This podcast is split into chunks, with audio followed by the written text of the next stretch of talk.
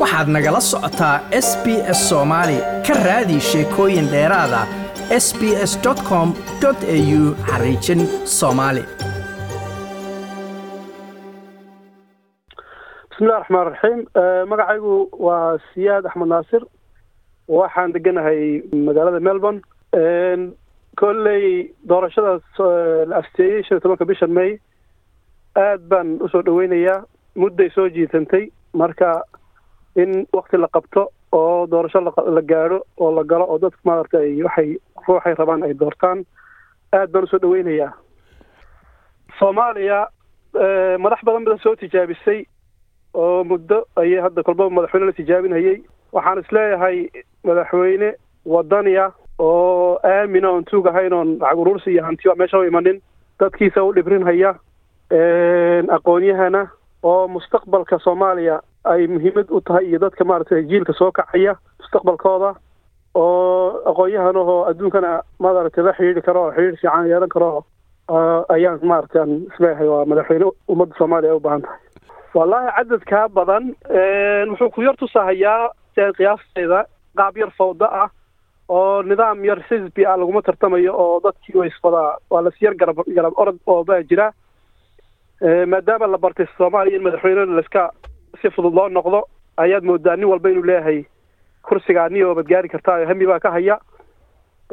Kolley inay inta intan ka yaraadaan lakiin ka taya badnaa ka taya badnaadaan baan ayaan ka jeclaan lahaa. Waxaan dhihi lahaa madaxweyne wax ka baro wixii dadkii la soo tijaabiyey. Dad badan baa ballamo badan soo qaaday. Rag badan oo magacooda magacyadooda soo koobi karin baa yaa ayaa dadka soo hor istaagay oo xasan sheekh baa la soo arkay sheekh shariif baa la soo arkay cabdiqaasim baa la soo arkay iyo intii ka horreysay cabdullaahi yuusuf farmaajo oo hadda waxaa la soo arkay oo aada u afmacaanaa marka madaxweyne waxaan kula odhan lahaa dadka waxaad u sheegaysid ha noqdo wax aad hadhowtoole aadan ka boodaynin oo beenta dadka hadda aaminaadii aad bay uga yaraatay. Ha is odhanin waa lagu aamini uuna oo iska taas way dhammaataan umalayna wax hadda hadhow aad aad aada hawlgelinaysid oo hawl aad ku dhaqaaqi doontid. Dadka u sheeg waxyaalaha ummadda soomaaliyana daacad u noqo. Oo qof dibadda ka yimiday oo ru iska iska shaqaysan ha noqonin ka shaqaysan maahee waddanka u shaqee daacad u noqo. Halkaa waa ummadda mustaqbalkeeda yaallaa dadkan qurbaha u wada yaacaya si ummadooda u soo u soo noqdaan waddankooda u degaan. Dadka bani aadamku way isdhisaan waxaan oran lahaa ummadda daacad u noqo waddankaaga daacad u noqo u shaqee ummaddana u sinow oo qabyaalad iyo waxyaalahan hoos hoose ha ku soo meeraysanin. Bismillahi raxmaan raxiim madar weriye aad iyo aad baad umahadsan tahay magacaygu waa usaama bin cabdallah. Madaxweynaha soomaaliya iyo waxa loo qoodeeyey seed u aragtaa? Madaxweynaha hawsha ayada ahaa waxaan u arkaa arrin aad iyo aad u mudan soo dhaweynteeda leh waana waa arrin aad iyo aad dadka soomaaliyeed iyo adduun weynuhuba ugu faraxsan yihiin qaabkay hadda u socoto. Madaxweynahay soomaaliya u baahan tahay ani ra'yigayga madaxweyne daacada waddani ah dadkiisa iyo dalkiisa iyo diintiisa ka naxayay u baahan tahay oo daacad ah. Oon ahayn madaxweyne maxaanku idhaahdaay ku dhex wareegeysta uun baarlamaanka iyo golaha wasiirada ku dhex wareegsa uma baahno. Si fiican baan u arkaa. Waxaan u arkaa dadka faraha badan dad wan wanaagsan baa ku jira. Waxaan u arkaa inay tahay dimuqraadiyad soo iftiintay baan anu u arkaa. Ra'yi ahaan waxaan ku dhihi lahaa ilaa xilka kolka u horreysa ilaahay subxaanahu wa tacaala ha kuu fududeeyo. Marka labaad waxaan odhan lahaa war dadka iyo dalka hoos u fiiri. Intaad meel kale fiirin lahayd uuna aad nin uun dad kale iyo maxaanku idhaha siyaasiyiin kale aad sii sii raacdayn lahayd. Dadkaaga iyo dalkaaga hoos u fiiri. Maxaanku idhaahdaayey saa dib u dhis dib u heshiisiin ciidamada. Dadkaaga dib u fiiri baan odhan lahaa. Dadkaaga dib u fiiriyo reer galbeedna waxba ha ka raadinini. Khayr oo dhan iyo khayraad oo dhan waddanku ku jiraayo waddanka sidii loo khayraadka looga faa'iidaysan lahaa oo dadka dib u heshiisiin loogu samayn lahaa ka shaqey baan odhan lahaa. Bismi illaahi araxmaani araxiim magacayga waa cabdinaasir sheekh cumar oo degan magaalada melbourne. Aad baan kuu salaamayaa ustaad fursa fursadda qiimaha badan ee aada isiisay ummadda soomaaliyeedna iyo dhammaantoodna waan salaamayaa. Runtii ilaahay baa mahad iska leh halkaa maanta soo gaarsiiyey doorashada inay qabsoonto. Iyo cid walba oo iyadoo kale waxaan u mahad celinayaa cid walba oo wakti gelisay inay suurto geliso inay doorashada ay qabsoonto. Runtii meel adag bay yuu gaaray waddanku doorashadaasi raagitaankeedii uu gaaray.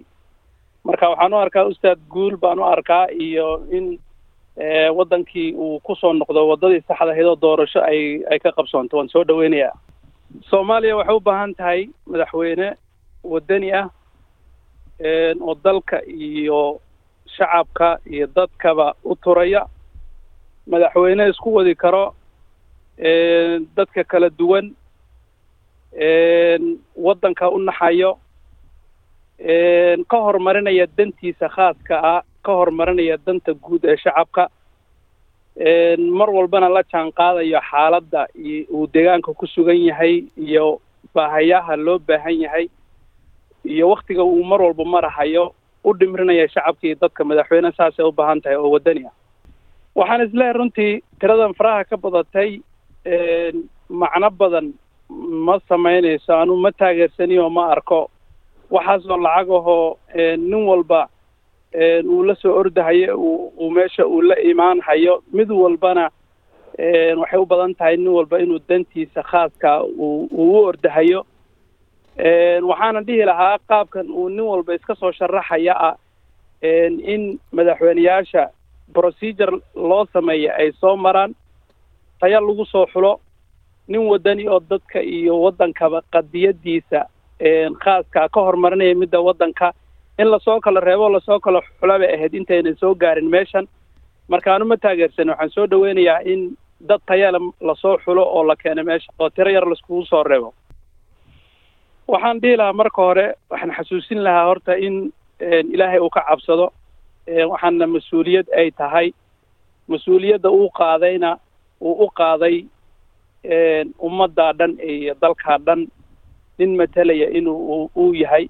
Nin daacada oo dadka u siman yihiin dalka dalkana danaha dhan ka horumarinayo inuu uu noqdo. Ayaan horta kula dardaarmi lahaa cabsida ilaahayna waa ugu horeysaa. Waxaan kaloo aan kula dardaarmi lahaa madaxweyne furfuran oo dadka shacabkana isku isku wada inuu uu noqdo. Dalka shisheeyahana waddanka ka dhicin karo. Oon shisheeyaha aanu soo dhawaysanine shacabka iyo deegaanka iyo dadka soo dhawaysta inuu noqdo. Yaan kula talin lahaa. Bismillaah magacaygu waa muxubaqayma waxaan joogaa malborne waddanka australia. Runtii doorashada shan iyo tobanka bisha shanaad loo asteeyey kolle si wanaagsan baan horta u arkaa. Insha allah aan rajeynaynaan inay si wanaagsan noogu dhacdo. Sababtoo ah jijiid badan iyo sheeko dheer ayaan la soo maray oo ma waktigaas ma gaari doontaa oo baarlamaanka ma la dooran doonaa oo horta sheeko dheer baa la soo maray. Marka aad baaban ugu faraxsannahay oo qofka ilaahay na gaarsii baaban taaganahay waxaa ilaahay u baryayaa. Inta nool ilaahay inuu cimri dheer caafimaad ku gaarsiiyaama rajaynayaan shan iyo tobanka bisha shanaad. Runtii aragtidayda haddaan cabiro waxay aan is leeyahay ay u baahan tahay madaxweyne hoggaan wanaagsan oo daacad ah oo samayn kara dal iyo dabadba wax u tari kara oo adduunkii baan waxaan ka hooseynay adigu muddo soddon sano ah ayaanu dadkii ka hooseynay dhaqan ahaan iyo calan ahaan iyo maxaan ku rahda dawlad ahaan oo haykal dawladnimo aan ka hoos marnay aad aan wax dheer u soo marnay.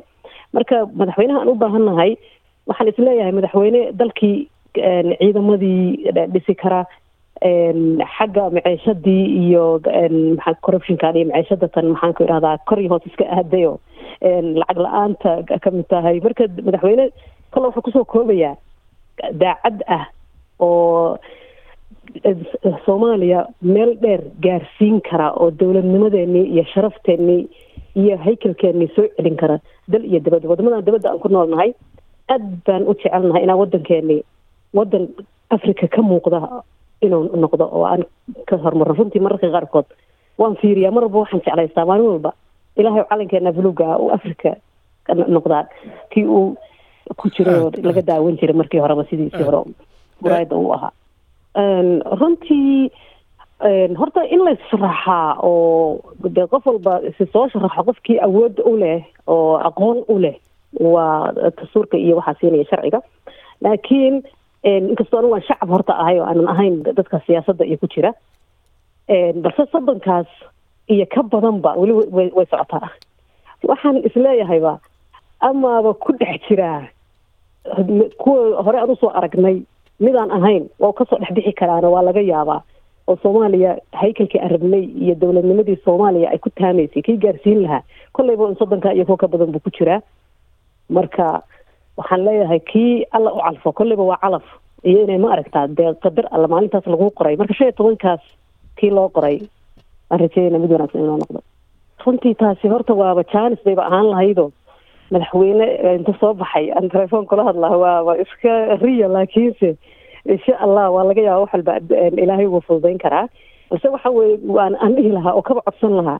Waxaan ka mid ahay hooyooyinkii toban sano anoo jira baa wadanka soomaaliya dhacday dowladdii ay dhacday. Aad baaban dowlad ugu hamuun qabnaa. Marka waxaan dhihi lahaa waxyaalo badan aan wadankii hadda soo arkay. Mid noqda inuu ka bedelo oo dhalinyarada wax u qabta lacagteeni noo soo celiya. Waxaan dhihi lahaa lacagtii soo celi dhalinyarada wax u qabo.